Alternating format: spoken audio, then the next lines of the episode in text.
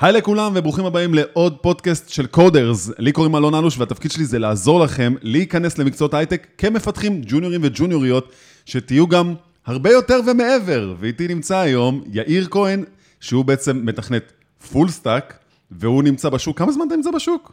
כמה שנים. כמה שנים ואתה רק בן 22. כן. מטורף. אז uh, אני ויאיר התחלנו לדבר לפני uh, כמה שבועות, וזיהיתי אצלך איזה סוג של uh, זיקה כזאת, לבוא ולעזור לאנשים שהם נמצאים בהתחלה שלהם, שרוצים להיכנס למקצועות הפיתוח, ויש לך uh, סיפור שמצאתי אותו uh, די מעניין בדרך של מאיפה התחלת ולאיפה הגעת. למרות שאתה רק בן 22, אבל כנראה שהיום דברים קורים הרבה יותר מהר. אז מה שלומך? מעולה, תודה רבה. שמח להיות פה, תודה רבה שהזמנת אותי. פודקאסט ראשון שלך, נכון? נכון. איך, איך, איך ההרגשה? מצלמות וזה, ומיקרופונים.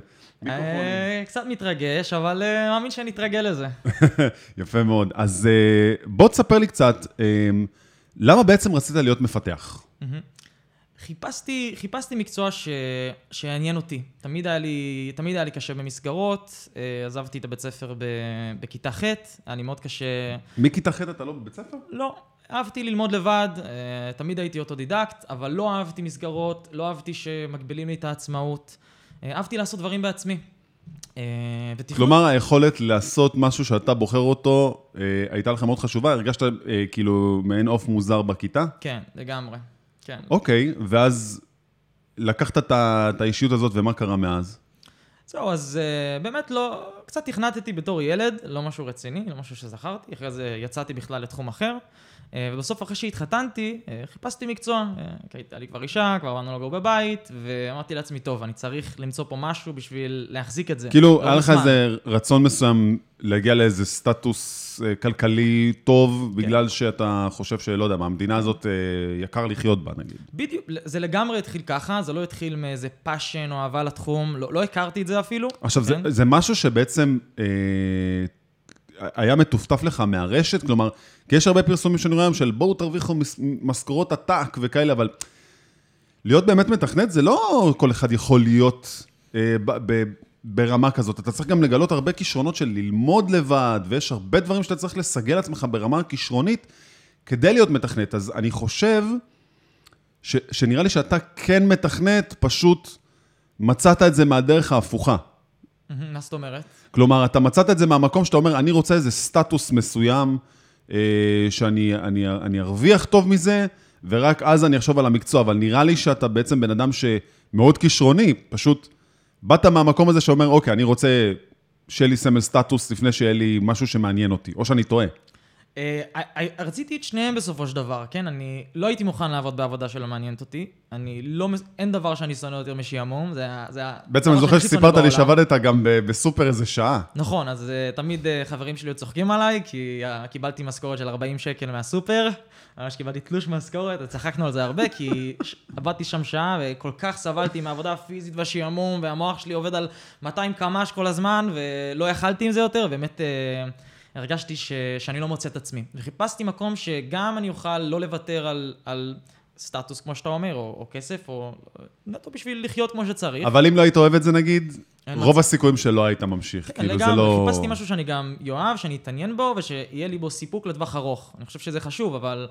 אני גם חושב שהרבה אנשים כאילו חושבים שצריך להתחיל עם passion, כאילו מצד אחד, ו- ואני לא התחלתי עם, עם passion או אהבה לתחום, התחלתי עם נטו סקרנות, ולאט לאט האהבה וה passion זה משהו שהוא התפתח אצלי בעצם. בתור, אה, סתם אני שואל, בתור נער היית אחד שאוהב לפתור הרבה בעיות, היית טוב במתמטיקה? זה היה משהו שמדבר אליך?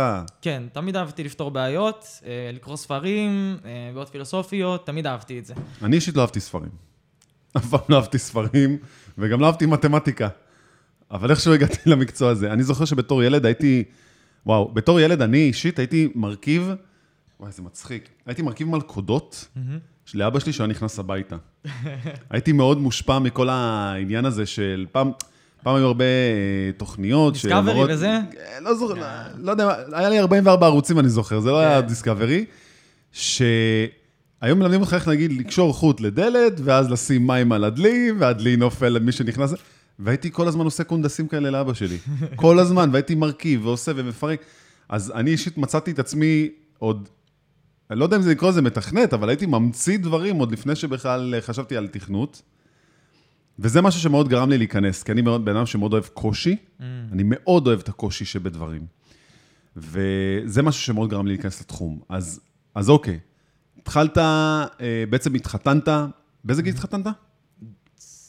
20, משהו כזה. בגיל 20. כן. ואז בעצם, אז התחלת רק ללמוד? זהו, אז אמ, גם לפני זה, למדתי קצת ועשיתי קצת. פשוט לא התחלתי בפול פאוור עד הסוף. קצת בניתי אתרים, קצת למדתי, פשוט לא הייתי סגור שזה לבד עם מה שאני עצמך? רוצה. כן, לבד עם עצמי. התחלתי בהתחלה ללמוד לבד עם עצמי. אוקיי. ואיך, איך כאילו, משם, איך זה התפתח לזה שהלכת ללמוד איפשהו ב- במוסד, או מוסד מסוים, מה עשית? כן, אז, אז בסוף אה, החלטתי ללכת לבוטקאמפ, אה, וזה זה הגיע ממקום שבאמת אני הגעתי למצב שאני מחויב. היה לך כבר. היה לך כאילו, היית עובד פרילנס? היה לך עבודה ש... הייתי אולי ממש בקטנה לאיזה חבר או משהו כזה, אבל לא איזה משהו רציני, לא הייתי ברמה של הייתי יכול להתחיל לעבוד. פרילנס. אבל כאילו, אתה אומר, שיחקת עם זה הרבה לפני שבעצם אמרת, אוקיי, עכשיו אני רוצה באמת להתעסק עם זה, והיה לך קושי מסוים, נגיד האנשים שעכשיו שומעים אותנו, צופים בנו, הם נמצאים בהתחלה שלהם, ולדוגמה, הם שואלים אותי הרבה שאלות, כמו, אה, איך, איך, אני, איך אני לומד את כל מה שצריך ללמוד? יש כל כך הרבה מה ללמוד, יש כל נכון. כך הרבה... איך, איך, איך התגברת על זה? איך התגברת על הדברים האלה? סבבה, שאלה מעולה. אה, היה לי את הקושי הזה של כל כך הרבה דברים ללמוד, ובתור בן אדם שכל החיים לומד לבד, אז תמיד, אה, תמיד אה, אה, היה לי... כי בעצם אתה רושם לי פה, ב, ב, בדברים שדיברנו עליהם, עוד לפני התחילה של השיחה, אמרת, אוקיי, יש כל מיני דרכים להיכנס לעולם ה web, כאילו, בתור מתכנתים, אז uh, מה שמעניין פה זה להבין, יש, אפשר לעשות תואר, אפשר לעשות bootcamp, אפשר, לעשות, אפשר ללמוד לבד, בדיוק. יש כל כך הרבה דברים. אז אני ניסיתי ללמוד לבד. זו הדרך הראשונה שניסיתי זה ללמוד לבד. באמת, מה החיסרון בללמוד לבד לעומת bootcamp או תואר? שיש כל כך הרבה, הרבה מידע, ולא הייתה לי הכוונה, לא ידעתי מה ללמוד. אה, כל כך הרבה, אה, שמעתי עצות שאחד אמר, תלמד את השפת תכנות הזאת. כן, כל אחד יש לו ממש עולם ומלואו, כל אחד. בדיוק, אז היה מאוד חסר לי הכוונה, והרגשתי שזו פשוט הולכת להיות דרך כל כך ארוכה. הבנתי שאם אני אשקיע מספיק, אני בסוף אצליח לעשות את זה. אה, פחדתי כמובן שלא יהיו לי הרבה היה לך. תמיכה אה, מהמשפחה, אני מדבר על תמיכה נפשית, בוא נגיד ככה, תמיכה שהיא... אה, אנשים תמכו בך, או שאתה כזה היית אה, מתבודד יותר ו- ולבד מנסה להגיע לזה? כי הרבה אנשים שאני מסתכל עליהם מהצד, הם מאוד מחפשים את התמיכה בפורומים, בכל מיני אה, קבוצות, אתה יודע, אם יש... לקבל את התמיכה הזאתי, ואנשים לא מבינים שזה מסע, באמת, להיות מפתח זה מסע שאתה צריך לעבור אותו עם עצמך, כי אנשים שואלים אותי, אלון, איך אתה עושה את זה? אלון, איך אתה, איך, איך למדת את כל מה שאתה יודע עד היום? אז אני אומר דבר מאוד פשוט. אני בן אדם שקם ב-6 בבוקר, שש וחצי לפעמים, ואני לומד לפחות שלוש שעות, אה, שעתיים וחצי, שלוש שעות לפחות כל יום. אתמול קניתי קורס בשתיים בלילה, כי זה הזמן שלי של החודש לקנות קורס, וקניתי קורס אה, אה, שהוא מאוד basic אפילו, אבל מה אכפת לי, אתה מבין? כאילו, זה לא משנה אם אני 15 שנה מפתח, אני תמיד שוכח את מה ש... מה שקרה לי אתמול אני שוכח. אז אני חושב שתמיד אנחנו צריכים לתזכר עצמנו, אז מה, מה, מה אתה, אתה יודע מה אני איתך השאלה הכי קשה, מה אתה היית ממליץ מהניסיון שלך? ללכת לתואר, ללכת לבוטקאמפ, ללכת ללמוד קורס? אוקיי, אז ככה. אני רוצה, בוא, אני רוצה קודם כל לשים את ה... אה, בוא נגיד, לדבר על הפיל בחדר, כי זה משהו ששואלים הרבה. אה, האם חייב תואר, לא חייב תואר? אה, העובדה הפשוטה היא שלא חייב תואר. יש כל כך הרבה מפתחים שהוכיחו את זה. מסכים. השאלה היא מה היתרונות של תואר. אם, יש, אם, יש עכשיו, אם היה לי עכשיו זמן וכסף להשקיע כמה שנים מהחיים בשביל לעשות תואר, וזה יכול להיות שייתן לי אה, קלף נוסף שאני יכול להתקבל למקומות עבודה, או ללכת לנישות שונות, או יותר מעמיקות, או להתקדם ליותר כיוון אקדמי, יכול להיות שהייתי עושה את זה. אבל במקום שאני הייתי, אז החלטתי לא לעשות את זה, ויש פה גם אופציה שהרבה לא מדברים עליה, שזה לעשות תואר אחרי שכבר התקבלת לעבודה. וזה משהו שאני מכיר כמה אנשים שעשו. זאת אומרת שאתה לא חייב בכלל- להחליט אבל, עכשיו. אבל זה גם קשה, כי אתה מאוד גם... קשה. דרך קשה, נכון, אבל אפשרי.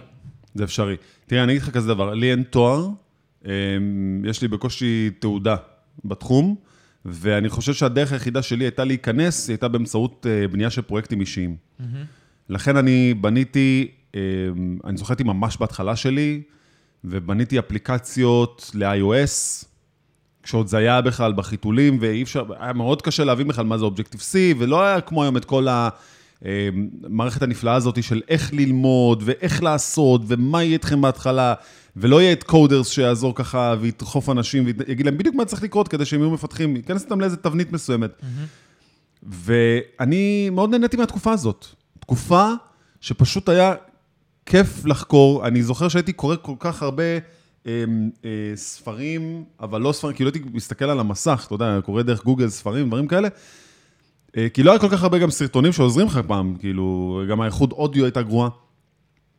והיופי הזה שבלגלות דברים שהם לא לעוסים, זה היה משהו מאוד, זה היה כמו קסם. אין לי, אין, לי, אין לי מילה אחרת להגיד, זה היה ממש כמו קסם, זה ככה זה הרגיש. היום אנחנו מאוד מוצפים, אנחנו מוצפים בהרבה פרסונות שאומרים, תעשו ככה, לא, תעשו ככה, אמ, תלמדו ככה, תלכו לשם, תלכו לפה. איפה אני מצאתי את המקום הנכון הזה? שכש...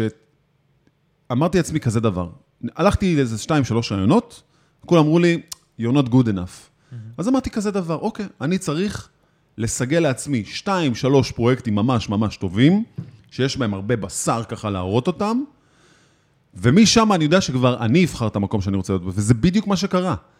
כי המצאתי איזה סוג של אפליקציה ממש מגניבה, שאומרת לך איזה אירועים יש סביבך, ועשיתי לה UX, וגם הייתי מעצב לפני זה, אז בכלל זה היה יותר קליל. ובניתי איזה backend system, ובניתי מערכת כרטיסים, וכל מיני דברים כאלה. מסקרץ', לא ידעתי כלום. כמובן שעשיתי מלא טעויות, אבל האנשים שבסוף הסתכלו עליהם מהצד אמרו, מי אכפת שאין לך תואר? כאילו, זה לא מעניין בכלל. ובמיוחד אני אגיד לך עוד משהו גם. צריך אנשים עם תואר, אבל צריך אותם למקצועות מאוד ספציפיים. Mm-hmm. כאילו, לא, לא כולם צריכים להיות עם תואר. אני חושב שיש שם ריבוי כל כך גדול של בנייה של דברים בווב, שתואר זה כן צריך להיות, אבל בחלק מסוים מכל העוגה הזאת. איך, איך אתה עם זה? איך אתה עם, עם, עם מה שאני אומר פה, נגיד? זה, זה מסתדר לך בראש?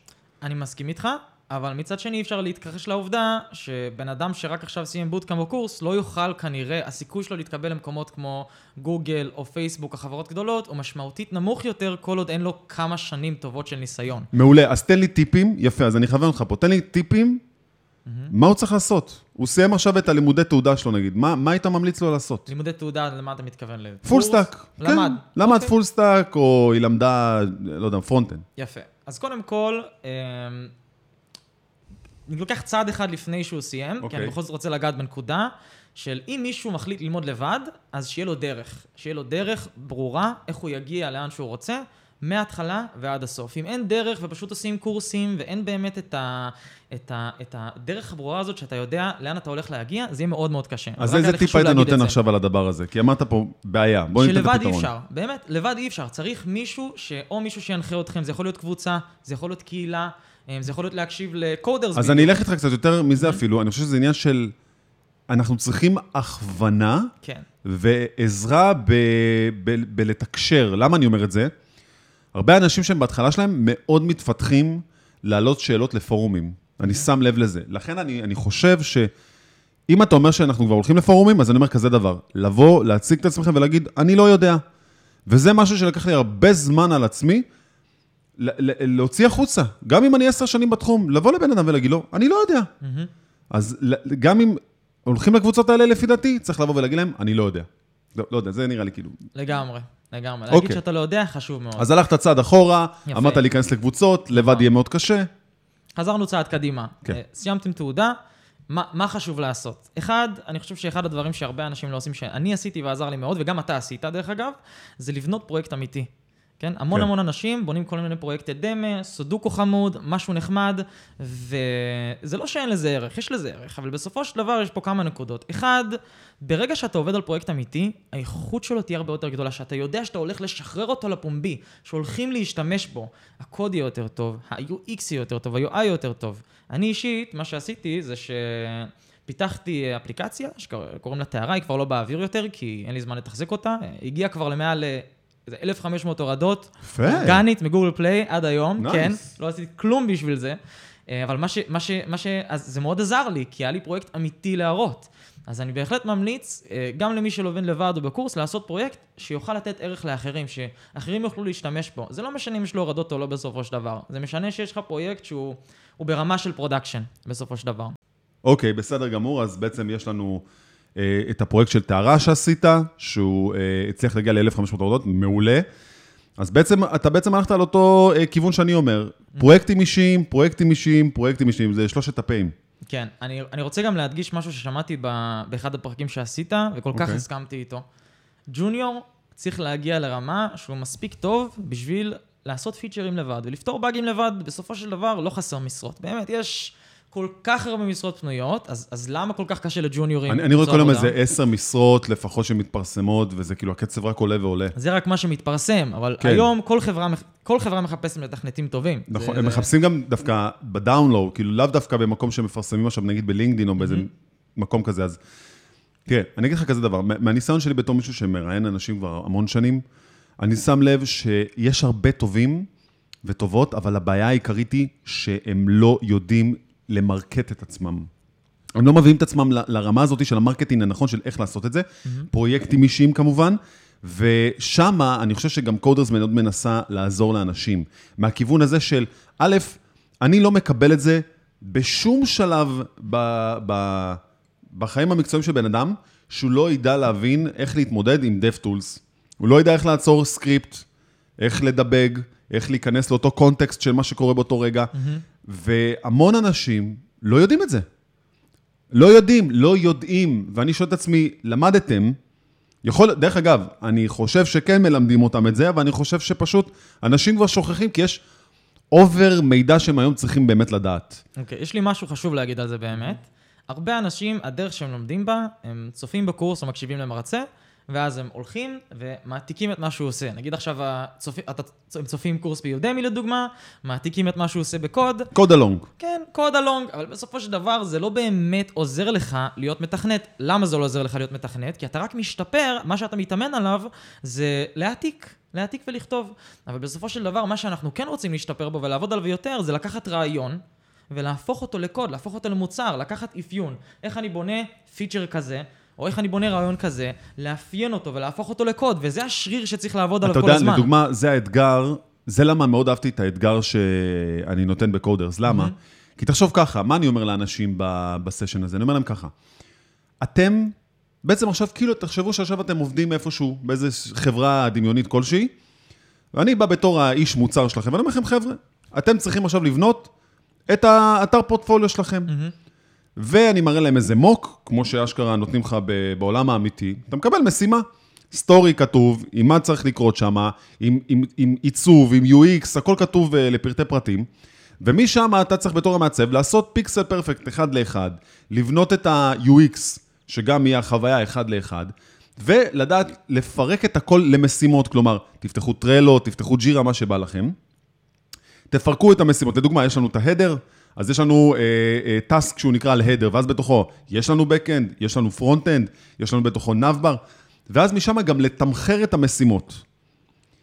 מה היופי בסיפור הזה שאני אומר לך? תחשוב שמחר בא לך בן אדם ג'וניור להתראיין אצלך, אתה, תה- אתה תקבל צמרמורת ברגע שאתה תיכנס איתו לגיטאב, לפרויקט הזה, שהוא יגיד, לא, הנה, זה פרויקט לדוגמה שאני רוצה להראות לך, ואתה תראה שם סקרין שוטים, קודם כל אתה תראה description מתואר יפה של, של הפרויקט שהוא עשה, אם הוא עשה אותו ב TypeScript, React, Hooks, whatever, you know, ואתה תראה שם גם screenshot ים שאשכרה מראים לך מ Trello, איך הוא פירק את הכל למשימות, איך הוא עשה מה שב-in progress, מה זה QA, אתה יודע, כל מיני הוורטיקלים של עמודים, הוא יראה לך שם אה, אה, את הקוד שהוא בנה ואיך הוא...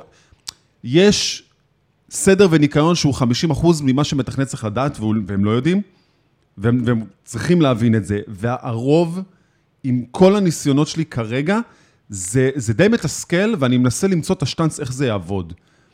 אז כמו שאמרת מקודם, למה אני תמיד דוחף את הרעיון הזה של העולם האמיתי, עולם האמיתי? כי רק ככה אתם תצליחו באמת להיכנס למקום ולהיות ממש בחוד רוחנית. נגיד אתה בהתחלה, שנכנסת לעבוד, אתה לא ידעת בטח מה זה טרלו, דברים כאלה, לא, זה... אני ידעתי, מה שאתה אומר זה בדיוק מה עשית שאני את זה? כן. למד- אני מת כן, עליך. אני- בדיוק אני אותו כבר דבר. אוהב אותך יותר. בוא תספר לי קצת על זה. לא, אני לא יכול לקחת קרדיט זה על לבד? זה, כי זה לא רעיון שלי, זה רעיון של... אה, חבר'ה, הקרדיט הוא של יאיר, סתם, כן. חבר מאוד טוב, אה, ומי שלימד אותי גם, שהיום הוא חבר מאוד טוב שלי, שעזר לי. אה, אני אז לא יודע אם אני יכול אוקיי. להגיד את השם אז שלו יפה, זה גם- חופף עם מה שאמרת בהתחלה, שיש לך מישהו שכן, כמנטור עזר לך. בטח, עזר לי מאוד, והוא זה שבאמת דחף אותי לכל אז מה עושה לך בקטע הזה? בעצם מה, הוא ישב איתך ואמר לך, תקשיב, יש עולם של טסקים שאתה צריך להכיר. כשאנחנו התחלנו את הקורס, על השבוע, שבועיים הראשונים, התחלנו כבר לעבוד על פרויקט אמיתי. התחלנו לעבוד עם Jira, התחלנו לעבוד עם Git, ממש כמו שעובדים בעבודה אמיתית, אז תמיד, זה, זה מצחיק אותי, כשהייתי חוזר הביתה והייתי יוצא לקורס, הייתי תמיד אומר לאשתי, אני הולך לעבוד, אני הולך לעבודה. כבר בראש שלי זה היה עבודה, כבר הרגשתי שאני עובד, לא הרגשתי שאני לומד עכשיו, כי בפועל מה שעשיתי זה הלכתי, ועבדתי, אז כשהגעתי לראיונות, נתתי vibe אחר, וכבר הגעתי הרבה יותר, הרבה יותר בשל ומוכן בעצם, זה בדיוק מה שאמרת, מאוד מתחבר לזה. זאת אומרת, אז בעצם היה לך איזה באדי כזה, שעזר לך בעצם להגיע לאיפה שהצלחת להגיע, כדי לעמוד עם הטרשולד הראשוני של כניסה להייטק. אוקיי, אמ, אנגלית, מה אתה חושב לגבי אנגלית? ברמת ההתנסחות, דיבור, כתיבה, מאסט, לא מאסט לפי דעתך? זה היה משהו שנגעו איתך הרבה ברעיונות שלך? תראה, לי אישית, אני, אני התחלתי עם, אה, עם יתרון של אנגלית, כי גרתי בחו"ל כמה שנים, גם כתבתי הרבה באנגלית, התעסקתי הרבה עם אנגלית, אבל אני יכול להגיד לך שלמד איתי מישהו בקורס שלא ידע אנגלית. לא ידע. לא ידע קשה. לקרוא אנגלית, לא ידע לכתוב, לא ידע כלום. מתסכל. אוקיי? והבן אדם הזה היום מתכנת. ואילולא הוא... הוא למד על הדרך לפי דעתך? כן, ש... הוא, הוא, הוא, הוא חבר מאוד טוב שלי היום. הוא למד על הדרך, ואילולא הוא לא הייתי מאמין שזה אפשרי. אבל הוא הוכיח לי שעם עבודה קשה, והייתי רואה את הבן אדם הזה, עושה commit ים בשתיים בלילה, ולוקח את Google Translate, ושם, וכל הזמן עם Translate, וכל הזמן שואל, וכל הזמן זה. והוא אומר על עצמו, אני בן אדם ממוצע, אני לא בן אדם, אה, הוא לא איזה גאון או משהו, הוא אומר את זה על עצמו, אני לא אגיד דבר כזה על בן אדם כמובן, אבל אני חושב שזו השראה מדהימה, והוא אישית היווה לי הרבה השראה כבן אדם, ואני חושב שזה יכול גם להוות להמון אנשים השראה. בלי אנגלית, התחיל, והיום הוא מתכנת. אני אישית חושב שלא צריך לדעת לדבר אנגלית ברמה גבוהה, זה בסדר רק להיות עם yes, no, black, white, ו... אבל מה שכן, לקרוא אנגלית ולכתוב אנגלית, אני חושב שזה, אין מה לעשות, זה די מתקשר טיפה ביחד, אבל יש אנשים שבגלל מבטא או דברים כאלה, אה, לא מתביישים לדבר, אבל צריך לדעת גם לכתוב. רוב החברות הן אה, לפי דעתי גלובליות. Mm-hmm. ואין מה לעשות, אנגלית זה, ממש כאילו... גם חברה ישראלית, כולם כותבים באנגלית בסופו של דבר. כולם, הכל כולם, באנגלית. הכל באנגלית. אז... תשמע, גם לדבר זה קורסים, חשוב. קורסים אונליין. גם לדבר זה חשוב, כי גם בסוף, הרבה פעמים מדברים באנגלית, אבל זה לא קריטי, אל תיתנו לזה לא לעצור אתכם. אתם תלמדו על הדרך, זה בסדר, זה, זה לא, לא כן, קריטי. הדיבור הוא לא קריטי, אבל מה שכן, להיות מפתח היום זה בן אדם שצריך המון המון יכולות מסביב, גם לדעת ללמוד לבד. גם לדעת אה, אה, לקודד, גם לדעת ללמוד דברים חדשים כל הזמן. אה, אתה צריך לסגל לעצמך את היכולת להיות עם תקשורת מאוד גבוהה, לדעת אה, אה, לפתור בעיות, לדעת לא להתעצבן כשיש מצבים מאוד אה, קיצוניים בעבודה, וזה קורה הרבה. Mm-hmm.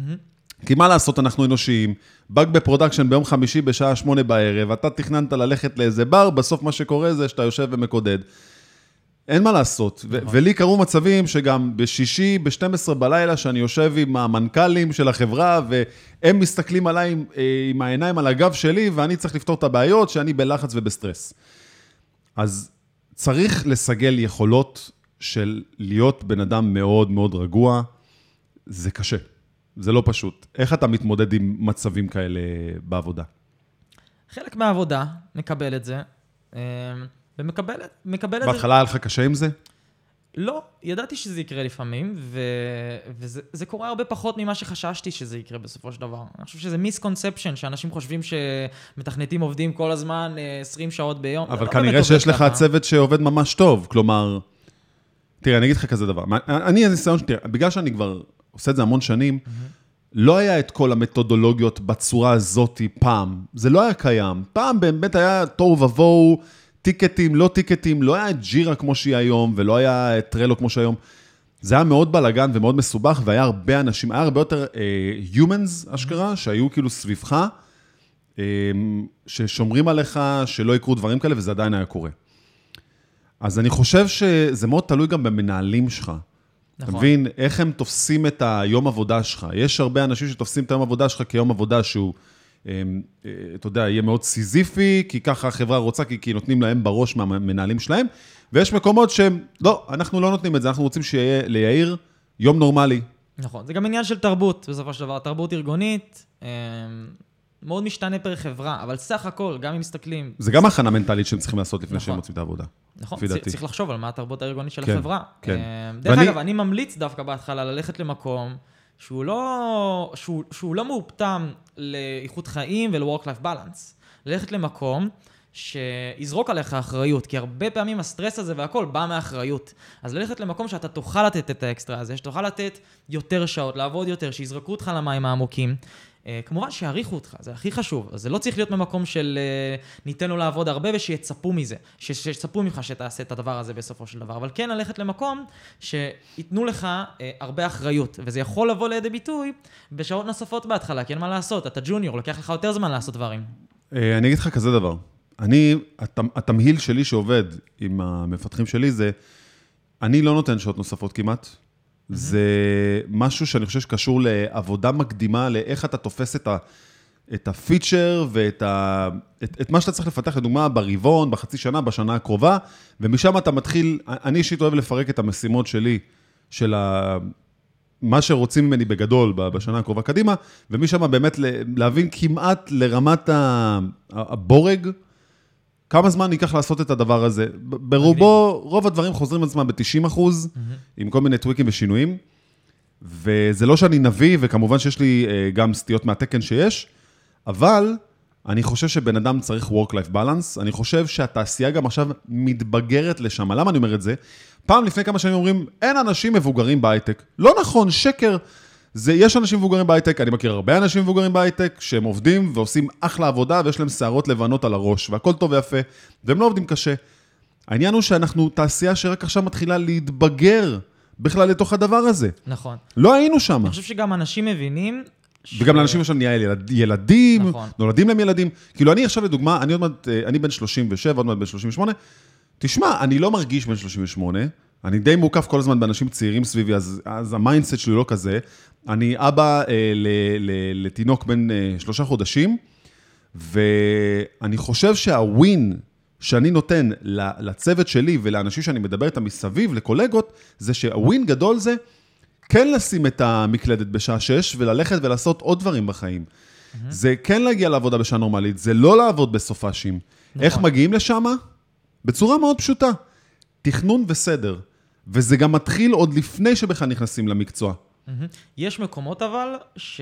יש מקומות עבודה, שבדרך כלל קורפרט, שהקצב עבודה מאוד איטי, כולם באים למשרד אה, אולי בשמונה, הולכים בחמש, והם יותר מאופטמים ל-work-life balance. אני לא אומר שזה לא חשוב, work-life balance זה חשוב תמיד. אה, אני עובד בסטארט-אפ, דרך. אגב. אני עובד בסטארט-אפ. בדיוק, אז, סטארט-אפ הרבה פעמים יכול לתת לך את ההזדמנות לתת אקסטרה כשאתה רוצה, ושאתה יכול, ושאתה מרגיש שזה מועיל לך. אה. ואני חושב שלי אישית. אה, זה עזר המון. אבל זהו, אז הגעתי לנקודה שכן רציתי להגיד לך, אבל. כל, הספיץ' הזה היה לו בעצם אה, מטרה.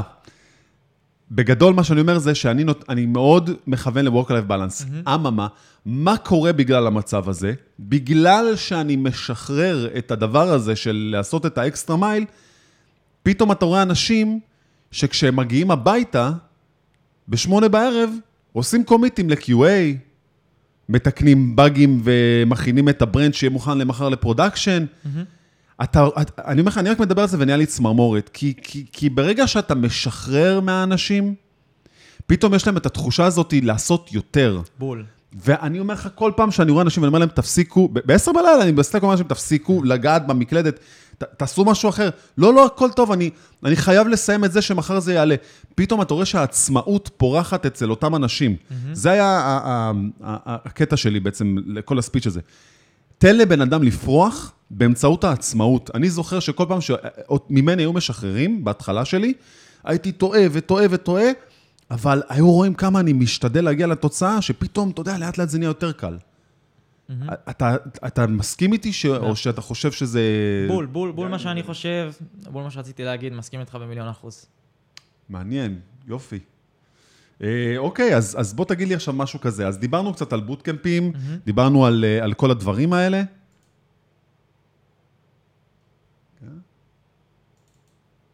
אז בוא נדבר קצת על כל הקטע הטכני שיש למפתחים כשהם אה, מתחילים להיכנס לעולם הזה של גיוס.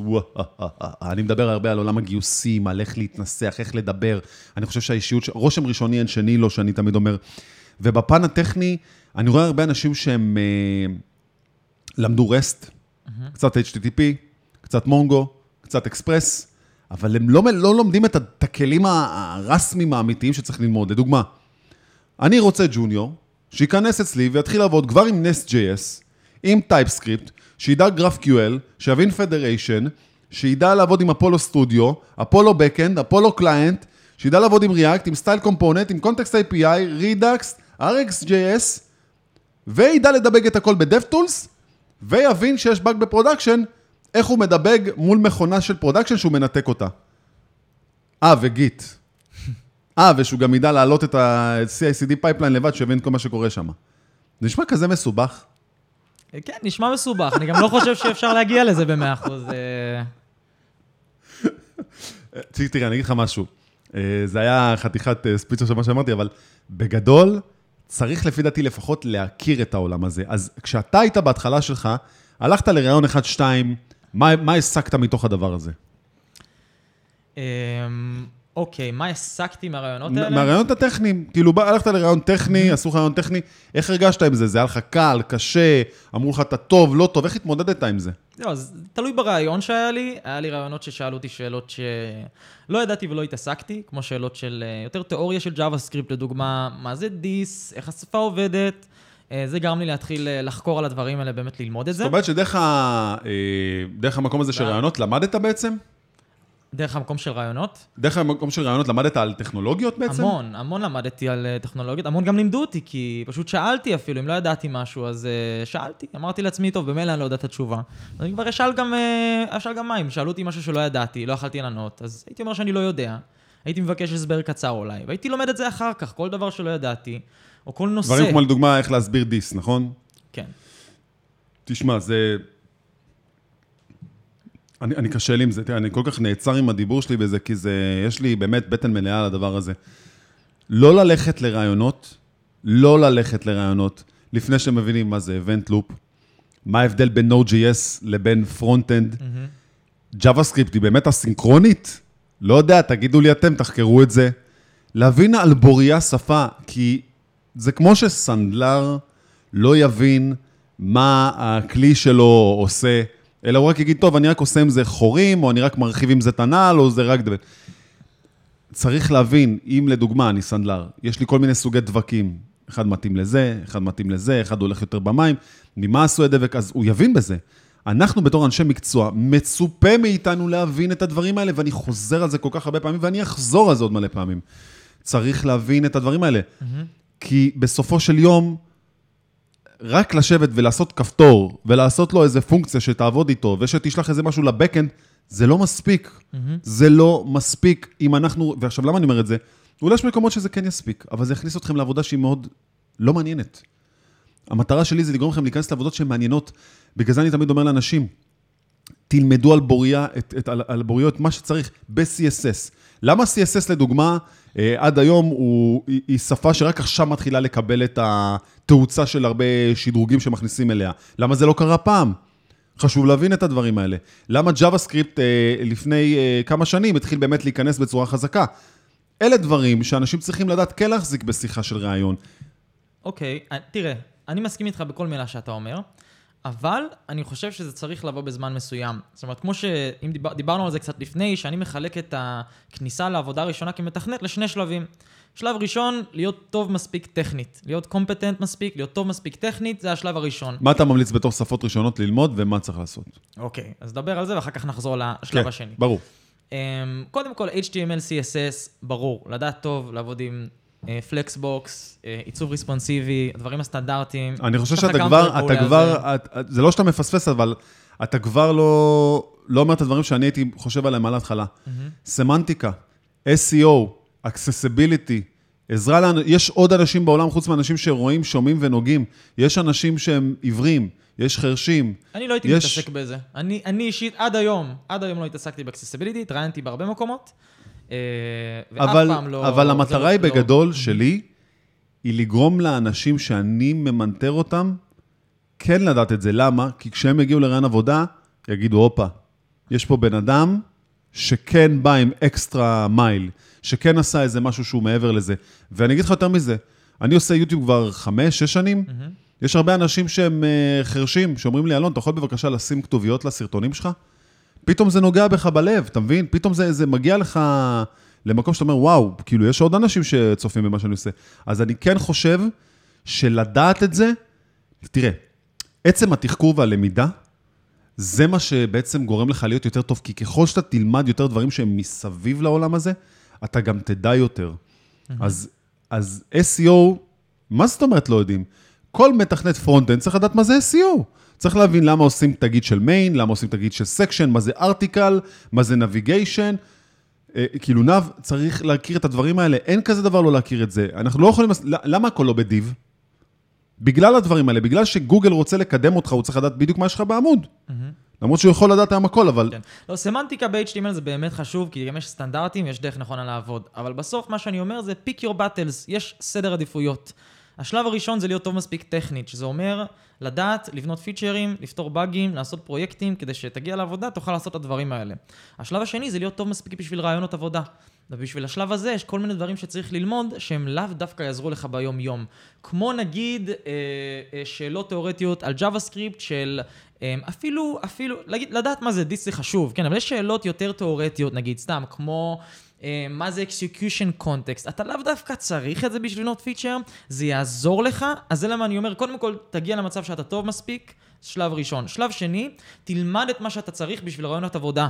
אז אני אומר, תתמקדו, תתמקדו לאו דווקא ב-accessibility, למרות שזה חשוב, אה, למרות שזה יכול לעזור לך, אלא תתמקדו במה שיעזור למראיינים לבחור אתכם. ואני חושב שבגלל שלא 아, שואלים על זה... אה, reverse engineer כן. לעשות reverse engineer למודעת דרושים בטח, כן. כן, כן. אני מסכים איתך. אמ, אז אוקיי, אז בוא נגיד שרוב המקומות היום, לפי דעתי, זה JavaScript, HTML, CSS כמובן. כן, framework כלשהו, React, View, Angular. מה אתה כותב יותר? מה אתה אוהב? אמ, תשמע, אני אוהב, אני אוהב את כולם בסופו של דבר. נשמע שאתה הולך להגיד. אנגולר. אני כותב ב-Angular היום. אמ, ידעתי. יש לי, יש לי הרבה תלונות על Angular. אה, אני מאוד אוהב את Vue. אה, התחלתי עם Vue. Vue מתחילה לתפוס. אה, תאוצה ממש אה, כן, אני מאוד אוהב את, אה, זה בנוי בצורה מעולה, לדעתי. אה, מבחינת העדפה אישית, ו-React, אבל... מה קרה שבעצם לא... נגיד, זה הדרישה של החברה שאתה עובד בה פשוט, לעבוד עם Angular? כן, יצא לי גם לכתוב ב-React. אני חושב שבכללי מתכנת צריך להתעסק ב... ב... להתעסק קצת אפילו, לבנות איזה פרויקט קטן ב-React, פרויקט קטן ב-Angular, פרויקט קטן ב-Vue, להכיר קצת, זה אתה- חשוב. אתה יודע, לדוגמה, מה... יש לי עכשיו איזה challenge שאני רוצה להכניס, שזה בעצם ב-micro frontend שאנחנו בונים. זה קצת risky, אבל לנסות משהו ממש ממש בקטנה של לעשות שלושה micro frontend-ים הבאים, כל אחד ב-framework אחר. אוקיי. אני חושב שזה יעזור לכולם ללמוד יותר את ה-framework-ים, להיכנס יותר לעובי הקורה, וזה יכניס טיפה challenge, אני חושב שלפעמים, אתה יודע, צריך להכניס אותו למפתחים בכללי. נכון. שכאילו, למה, למה הכל צריך להיות קל? בוא נקשה קצת, אבל לא, לא לקשות בקטע רע, לקשות בקטע טוב. כן. בסוף, בסוף מפתח צריך להסתכל על ה-framework ככלי. זה, זה למה אני חושב שלא צריך... בגלל זה JavaScript vanilla הוא הכי חשוב. נכון, הכי חשוב. הכי יודע, חשוב. נכון, אתה יודע JavaScript vanilla טוב, אתה גם תלמד framework בצורה קלה, וברגע שתבין את הקונספטים של framework אחד, זה יתרגם יחסית בקלות. מה שכן, הייתי אומר דגש, לג'וניורים לא ללמוד אנגולר. כי יש בזה הרבה אקסטרה קונספטים שצריך ללמוד, זה הרבה יותר קשה לעומת React או View. אנגולר ללמוד אחר כך קצת יותר, זה כי יותר היא קשה. באה עם כל הספריות שלה, עם הרבה ספריות pre-defined מראש. עכשיו, אני לא הבנתי משהו באנגולר אחד. לא באנגולר 1.js, אלא באנגולר בכללי. כן. הקטע של לרשום אקספרשנים בסטרינגים. יש כאילו פור, פור איצ'ים כאלה, או פורים שהם... אתה כותב אותם בתוך ה-string, ב-directive-ים, או ש... כן, ב-directive. כן, ואני מת על זה. כמו Vue. אבל זה לא מתנהג כמו JavaScript, אז אני מנסה להבין כאילו למה אני ארצה לכתוב expression בתוך string, איפה אוקיי, זה... אני אתן לך תשובה פשוטה לזה. תן לי. בסוף, בסוף, בסוף, כל framework שתשתמש בו, בין אם זה React, Vue, Angular, ייתן לך אבסטרקציות כלשהן. זה פשוט אבסטרקציה שה-framework נותן לך, הוא אומר לך, תקשיב, במקום לכתוב עכשיו מה מערך, נקודה map, בלה בלה בלה, ולהתייחס למימוש, כי map זה כבר implementation detail, זה כבר פרט על איך זה מתממש, יש לך סינטקס דקלרטיבי פשוט, כן, ב-View עוד יותר פשוט מאנגולר, פשוט השם של המשתנה, in, השם של המערך, זה הכל בכל הפרויקט, וזה נותן לך אבסטרקציה, זה נותן לך simplicity בסופו של דבר. לא, לא, מסתכל שכנעת. לא שכנעת אותי, אבל, אני, אבל אני, אני אכבד את uh, תשובתך. תראה, אני אגיד לך משהו, יש דברים טובים ב-Angular, שהם מאוד דומים ב-Nest.js, ב-backend. נכון. אז כל העניין של מודולים וביזנס אובייקט וכל דבר שיש לו את ה-domain שלו, זה כן, זה מבחינתי מאוד מאוד מאוד מאוד אהבתי. וב-backend אני נוטה לעבוד הרבה עם Nest, אה, על הפרויקטים גדולים בעיקר, פרויקטים קטנים פחות. ואני חושב שאנשים שנכנסים היום לעבוד ומחפשים את העבודה, חייבים ללמוד Nest.js עם TypeScript. זה, א', זה, זה ילמד אותם הרבה ממה שיש באנגולר, בגדול, וזה גם יראה שהם יודעים לעבוד עם כלים שבאמת עובדים איתם, כאילו עובדים גם עם אקספרס, עובדים עם כל מיני, עובדים, יש, לא חסר פרמורקים של לעבוד עם, לה- להרים איזה סרבר. כן, יש לי שאלה, נסט עובד עם RxJS? הוא עובד עם הכל. לא, אני מתכוון. הוא בא בדיפולט, הוא בא עם RxJS, עם- אתה צריך לעבוד עם Observables ב-Nest, או שאתה יכול לעבוד לא יצא לי לעבוד עם RxJS, ב- עם לא, ב-backend למען האמת. אז האמת היא שאני... זה שאמרתי עובד- עובד עם הכל זה, לא יודע למה אמרתי את זה. אבל אוקיי. לדעתי, מה שהכי קשה ב-Angular למתחילים, זה הקונספט של תכנות ריאקטיבי. כי Angular אתה, אתה כותב מה, הכל, הכל observables, כאילו? הכל streams, וזה הקושי, זה פרדיגמה קצת שונה. אבל לי זה לא נראה כזה קשה, אני אגיד לך למה, כי בוא נלך לתיאוריה של, של המסעדה. יש לך את ה-Backend, שזה הטבח, יש לך את המלצר, שהוא מה שמתקשר בין ה-client, שזה כאילו מתפקד בתור ה-API. אז לדוגמה, עכשיו לקוח בא, הזמין משהו, זה כאילו עשיתי קריאה, בא המלצר אליי, לקח את ההזמנה, אומר לו, עוד מעט יבוא האוכל, הולך, אה, שם אה, את הטיקט לטבח, הטבח מתי שהוא מסיים, לוחץ על הפעמון. לא יודע מה מסובך כל כך, אז, אז כאילו ב-observability, זה בעצם אומר שכשמשהו משתנה מ- מלמעלה, אז mm-hmm. בעצם הקומפוננטות מתרפרשות, נכון? כאילו, מי מאזין למי? הקומפוננטה מאזינה לסטייט. כן, יש לך Observable, ול-Observable הזה בעצם יש כמה מאזינים שמאזינים לו.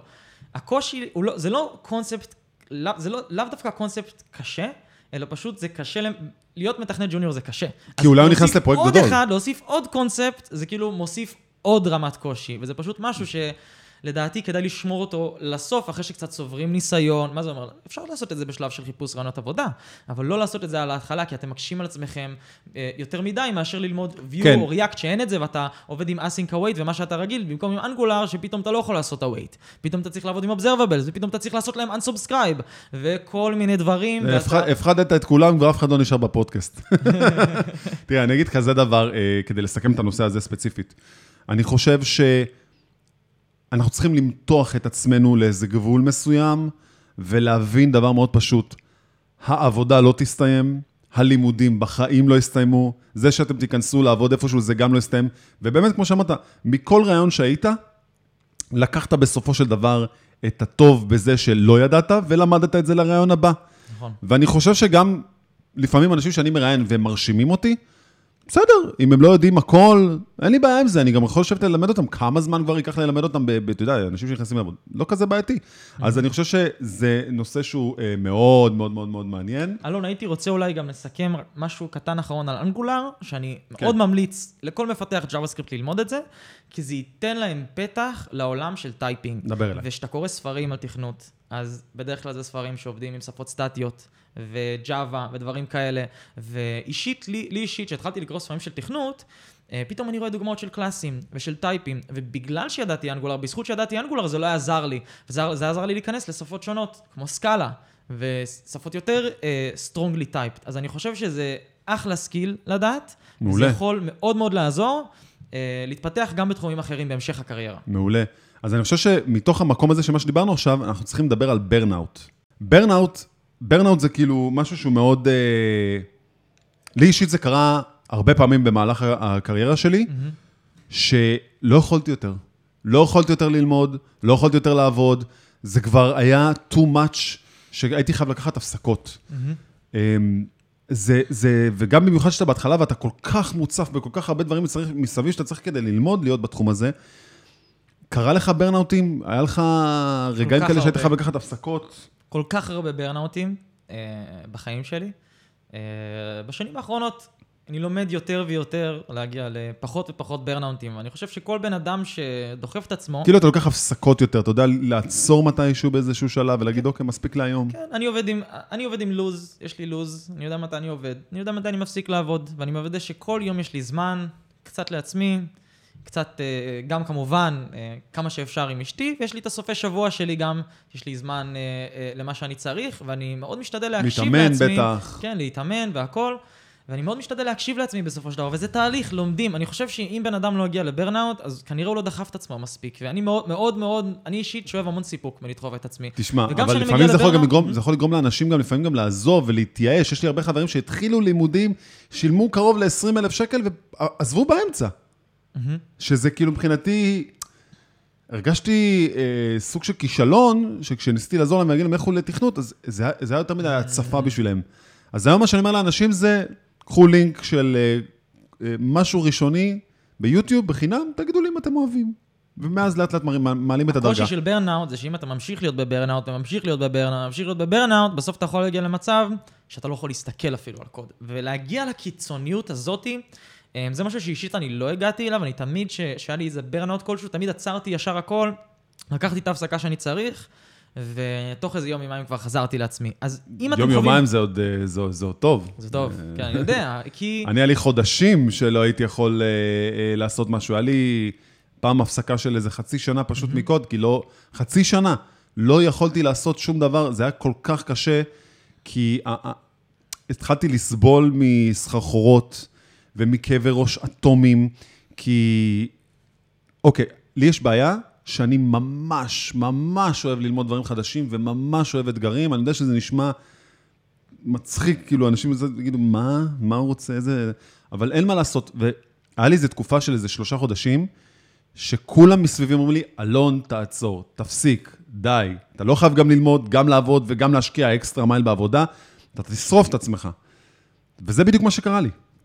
אני הגעתי למצב שהייתי עובד משהו כמו 12 שעות לפחות כל יום, לומד לפני ואחרי, יושן אולי חמש, יושן אולי איזה חמש שעות, ו-eat, sleep, code, repeat. כאילו, זה היה החיים שלי איזה שלושה חודשים. הגעתי למצב שפשוט הגוף שלי קרס. הגוף שלי אמר, אין יותר, נגמר. וזה היה איזה שלושה חודשים, שפשוט לקחתי הפסקה, עצרתי את החיים, הבנתי את הטעויות שלי, התחלתי לטפל בעצמי, גם תרופתית, דרך אגב, כי כאבי ראש איומים, אטומים, לא יכולתי להתמודד עם זה. ומתוך המקום הזה, התחלתי לעשות הרבה חושבים. ואז לאט לאט, אחרי שלושה חודשים, התחלתי לחזור לעבודה בקצב ממותן יותר, וזה היה פשוט תהליך של להבין וואו. שאנחנו לא מסוגלים לעשות את כל הדברים האלה ולהישאר אנושיים, כי אנחנו פשוט ניגמר מזה. זה, איזה ספיץ' הבאתי פה, כן. אבל בגדול, תיזהרו מברנאונטים. ותבינו, להיות לעצור. מודעים, גם להקשיב כן. לעצמכם, וגם יש משהו תכלס, פעם נגיד, אתה יודע, נגיד סתם, אתן לך דוגמה, נגיד היה לי איזה באג אתמול שהייתי צריך לפתור אותו. אין, פעם הייתי יכול לשבת עד שתיים בלילה, לא לקום אפילו לעשות פיפי, רק לשבת ולעשות ולפתור ולפתור ולפתור. היום אני כזה רואה, אוקיי, נתתי שעה, לא הלך. נתתי עוד חצי שעה, מתחתי, לא טוב. לקחת הפסקה. ובדרך כלל, אני לא יודע איך זה אצלך, אבל אצלי רוב הפעמים שאני עוצר, נגיד, באיזה שמונה בערב, ואני קם בבוקר, משהו במוח עובד יותר מחודד וזה נפתר. לגמרי. קרה לי, שעבד, אני זוכר מלא מקרים, אתה עובד שלוש שעות, ארבע שעות על באג, פותר אותו תוך חמש דקות בבוקר, ואני לא מגזים אפילו. ואתה יודע, כן. יש לי גם עוד משהו להגיד על burnout, שזה קצת יותר על ה meta של ה burnout. חשוב, לאכול בריא, להתאמן, לתת זמן לנפש, הדברים האלה מונעים burnout. לישון טוב, לא לוותר על הדברים האלה. לא לוותר. אפשר לוותר יום-יומיים, אפשר לעשות לילה לבן פעם, זה בסדר, כאילו, זה, זה כיף לדחוף את עצמך, אבל להיזהר מאוד ולוודא שחיים סך הכל שגרת חיים טובה, ושסוף יום אתם מרגישים טוב עם עצמכם. כן. זה לדעתי... זה הווין, כן. דרך אגב. זה הווין השגרה שדיברתי הזאת, עליו. שגרה בריאה, מונעת ברנאוט בסופו של זה דבר. ממש הווין שאני דיברתי עליו איתך, שאמרתי לך שבעצם אה, ככה אני חושב שאפשר באמת אה, להצליח הרבה יותר בחיים ובמקצוע הזה. אה, ואני חושב שאנשים צריכים לסגל ולהבין, אתם תלמדו, אתם לא תפסיקו ללמוד, וזה כל הזמן יימשך לעד. חבר'ה, אני אומר לכם, המשימות מהבוסים שלכם לא יפסיקו להגיע תמיד לעולם. יהיה עוד עבודה, תמיד יהיה עוד לימודים. תעשו חושבים, האם באמת, אם אתם בעבודה נגיד, ויש באג, אז תעשו חושבים, איזה באג זה? זה משפיע על לקוחות? באמת צריך עכשיו להישאר הרבה זמן כל הלילה בשביל לפתור אותו?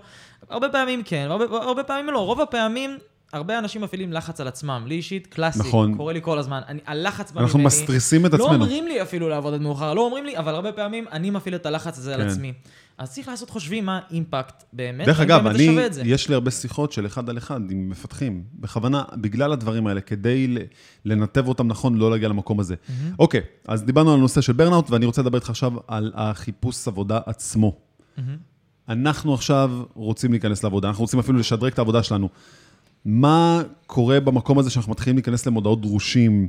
איך אנחנו יודעים לקרוא את המודעה נכון? זה משהו שעכשיו אני גם מתחיל לעבוד עליו בקודרס. אנחנו, לדוגמה, נתתי איזה סוג של מודעה, אה, אה, פרטים טכניים יבשים מה צריך. אנשים הגיבו בצורה כזאת שאמרו, אה, זרקו הרבה מילים לאוויר פה, הבנתי, לא הבנתי מה רצו ממני, וזה זה מדהים שאתה, זה כמו שאני אראה לך את הכוס הזאת שעכשיו נמצאת בינינו, ואתה תגיד, אני אגיד לך מה אתה רואה פה, ואתה תגיד, אני רואה שולחן וכוס, ואני אגיד לך, אני רואה כוס ושולחן, או שאני רואה כוס גדולה, אתה תגיד, כל אחד יש לו פרספקטיבה אחרת. אז אני חושב שאנחנו צריכים לסגל איזה סוג של משקפת כזאת, איזה משקפיים, שאנחנו רואים את אותו דבר, כדי שנדע להבין את הניטרליות של מה באמת מחפשים. כי הרבה אנשים פונים ואומרים לי, אלון, שלחתי 100 קורות חיים, אחד לא חזר אליי. יפה. איך אתה תופס את העניין הזה של לעזור, לתת טיפים במקום הזה? בסוף, יש לי שתי, שתי מילות מפתח שעולות לי פה. אחד, בידול, ושניים, sniper. אל תהיה machine gun תרסס לכל הכיוונים. אוקיי, אז בידול. דבר ראשון, במיוחד בתור junior, למרות שזה עוזר גם בתור senior, צריך לבדל את עצמך. אם תהיה עם קורות חיים, יהיה כתוב שסיימת איזה קורס והכל, והכל רגיל והכל סטנדרטי, יהיה לך קשה. אבל אם יהיה לך מאמר שכתבת שם, או פרויקט שעשית, והפרויקט הזה יהיה מושקע, עם description ועם הכל, כל מה שעוזר לבדל אותך, לי אישית, אה, מה שעבד לי זה מאמרים. אה, ודרך זה גם הצלחתי להשיג את העבודה הראשונה שלי והכל. אז ככל שיותר אה, אה, תבדל את עצמך, זה יעזור לך יותר לשווק את עצמך. זה שיווק בסופו של דבר, זה, זה חשוב לדעת, לשווק ולמכור את עצמך. נכון. המרקוט הזה, המרקוט, אני אומר כאילו מבחינה של, מבחינה של marketing, זה אומר שבעצם צריך שיהיה פרופיל לינקדין משופצר כמו שצריך, Mm-hmm. וגם אם אין לכם ניסיון זה בסדר, אבל תהיו שקופים, תגידו את האמת, תגידו, אני למדתי עכשיו full stack. נכון, ושיהיה פרויקטים. אם אין ניסיון, שימו פרויקטים שעובדים. רגע, אבל, אבל. קפצת קצת מהר, למה אני אומר את זה? כי קודם כל, הפרופיל הדיגיטלי שלי אמור להיות שם נוכח. נכון. מה זה אומר? שגם בגיטאב, כשנכנסים לעמוד פרופיל שלי בגיטאב, תמונה שלי, שיהיה כתוב מה אבל לא תמונה הטכנולוגיות. סלפי ככה, כן? בדיוק. תמונה מקצועית. תמונה מקצועית, כן. משהו שלא זה סלפי כזה סתם. וגם מן הסתם, שהפרויקטים עצמם, שהם יהיו כתובים, אני אישית כותב גם את הטכנולוגיות העיקריות שעבדתי איתן, ES6, TypeScript, אתה יודע, לא משנה מה השם של הפרויקט, שזה יהיה כתוב מנוסח נכון, ולא לנפח. עולים עליכם בשתי שניות אם אתם ממש. באמת יודעים או לא יודעים, לא וואו, לנפח. כך. לא קורות חיים לנפח. צנועים, לבוא צנועים, זה חשוב. כן, למדתי, הכל טוב, אנחנו יודעים שלמדתם. אני אומר את זה מניסיון כואב, שבאתי עם ראש מורם, אמרתי, כן, אני יודע, אני יודע לעשות פרויקטים, אני יודע זה, והמזל שלי, שמי שראיין אותי, אה, הוא גם אה, הכיר- אותי קצת, והיה לנו קצת קשר גם, אה, כי התייעצתי אותו, והוא אמר לי, תקשיב, אתה על סוס גבוה, אתה צריך לרדת. צריך להיות צנוע. מאז, מאז, תמיד בראש שלי אני... החוסר ביטחון לפעמים נותן לנו איזה סוג של... אה, אה, over compensation כזה. בדיוק, כן, אנחנו רוצים כן. לפצות על זה בזה שאנחנו נגיד שאנחנו יודעים. אבל ברגע שנשאל שאלה אחת מאוד פשוטה, טכנית או לא, מהר מאוד אנחנו נבין אם הבן אדם מבין או לא מבין. ואם אתם תח- תחרטטו את המראיין, או שתגידו ותנסו, ישר זה פוסל אתכם. תגידו שאתם לא יודעים, שאתם תשמחו ללמוד, ודווקא זה ייתן לכם אקסטרה נקודות ואקסטרה קרדיט, כי לא, מח- מראיינים לא מחפשים מתכנתים שיודעים הכל. בסופו של דבר מחפשים מתכנתים שיוכלו איך? ללמוד ולהתפתח ושרוצים לעשות את זה. איך אתה מתכונן לשאלות של ראיונות ודברים כאלה, איך כאילו... היית עובד על זה עם עצמך בבית? אני אישית הייתי עובד על זה עם עצמי בבית, כאילו ממש. כן. מדקלם לעצמי, יש לי אסטרטגיה. האסטרטגיה שלי מבוססת על uh, מחקרים אחרונים שנעשו, uh, שיטות מדעיות, של בסופו של דבר, אה, איך שהגעתי לזה גם, חשבתי לעצמי מה הדרך הכי אפקטיבית ללמוד. יש פה שני דברים. אחד, זה אקטיב ריקול. אפשר גם לחפש על זה, תמצאו מחקרים והכל. מה שזה אומר, זה אומר לא להתאמן על להכניס מידע פנימה. זאת אומרת, עכשיו נגיד אני בא ללמוד איך עובד דיס. אז לא לקרוא איך עובד דיס כמה פעמים, אלא להתאמן על לשלוף את זה החוצה. והרבה אנשים לא עושים את זה. בסופו של דבר אתה הולך להגיע למצב שמישהו שואל שאלה ואתה עונה. מה שאני עשיתי, מגניב, זה אוקיי. השתמשתי בתוכנה שנקראת אנקי, אוקיי? מאוד פופולרית לסטודנטים, שהיא עובדת עם כרטיסיות. יש לך שאלה ויש לך תשובה. והייתי מסתכל על השאלה, מנסה לענות את התשובה, מתאמץ, מתאמץ, מתאמץ, לא מצליח, רואה את התשובה, מנסה שוב. עכשיו, מה מיוחד באנקי? שהיא עוזרת לך גם ליישם את הנקודה השנייה של האסטרטגיית לימודים שלי, שזה, לא שלי, שאני משתמש בה, כן? לא המצאתי שום דבר, שזה Spaced Repetition. שמעת פעם על ה-Forgetting Curve? לא. אז כל דבר שאתה לומד, יש משהו שנקרא The Forgetting Curve. מה זה אומר? אתה לומד משהו חדש, הרטנשן שלך גבוה, ככל שעובר הזמן, ככה אתה שוכח אותו יותר.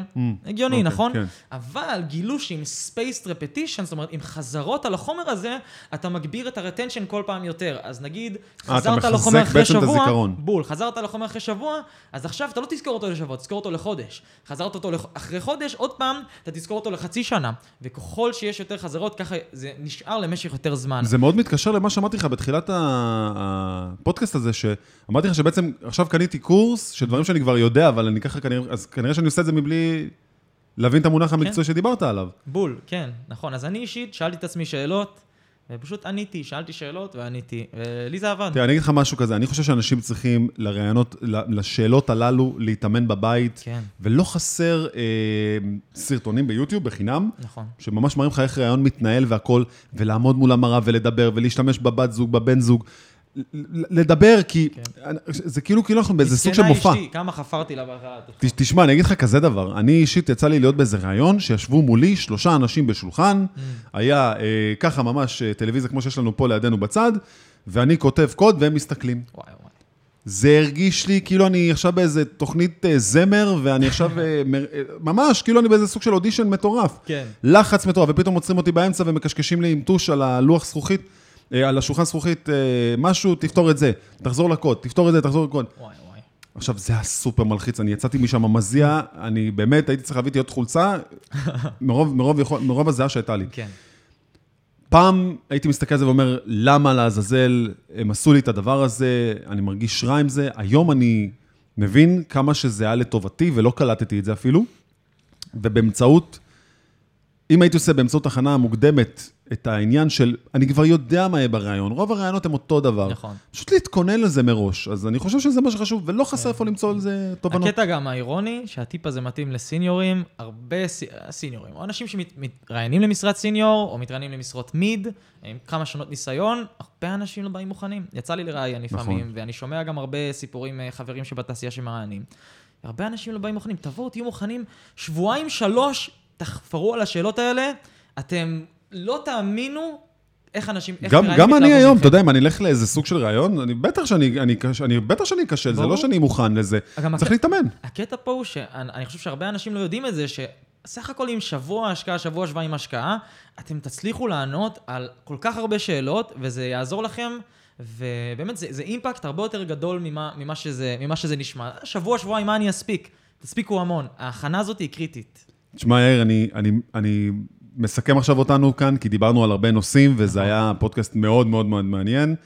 אפילו חשבתי שהוא יהיה אה, בכיוון החצי שעה, וכבר התארחנו כמעט לשעה שלמה, שזה מדהים בעיניי. אה, אני חושב שיש הרבה דברים שנתת, ואני חושב שאתה גם תבוא אליי אפילו עוד כמה פעמים שאנחנו נדבר על עוד נושאים, כי אני רואה שיש לך הרבה מה לתת, ואתה גם עושה את זה בצורה טובה. אה, בוא נגיד ככה, תן לנו את אה, טיפ הזהב שלך למי שהולך לראיונות עבודה. טיפ הזהב למי שהולך לרעיונות עבודה. אוקיי.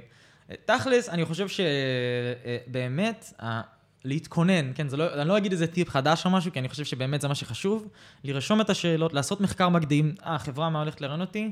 אה, אוקיי, הם עובדים עם אנגולר, הם עובדים עם, עם, אה, עם JavaScript, הם עובדים עם אה, נסט, ללמוד על נסט, ללמוד על. נראה, להיות נראה, לי שיש לנו, נראה לי. שיש לנו את אותו טיפ, שזה בעצם אומר, ללכת לפי המודעות, לפי הדרישה של המודעה, כן, לבוא מוכן, בדיוק. וממש משם להבין פשוט עם מה אני צריך לבוא מוכן. יותר מזה, גם לבוא ולקרוא על החברה, אבל הבעיות שהיא מתמודדת איתה, אתם בסופו של דבר תזכרו שאתם רק צריכים כן אחד. אתם לא צריכים 200, לשלוח ל-200 חברות. אתם, אתם לא צריכים ש-20 חברות יקבלו אתכם. צריכים את הכן הראשון הזה. זה הפתח הראשון. ועם זה, אנחנו נסיים עם, ה... עם הכן האחד הזה, אנחנו נסיים את הפודקאסט בדיוק. הזה. אז תודה רבה לכולם. תודה רבה לך. שזה אני ואתה בעיקר. היה לי מאוד כיף. ובתיאור של הסרטון יהיו את הלינקים להירשם ולקבוצה ולכל מה שצריך, אז אה, נתראה בפודקאסט הבא.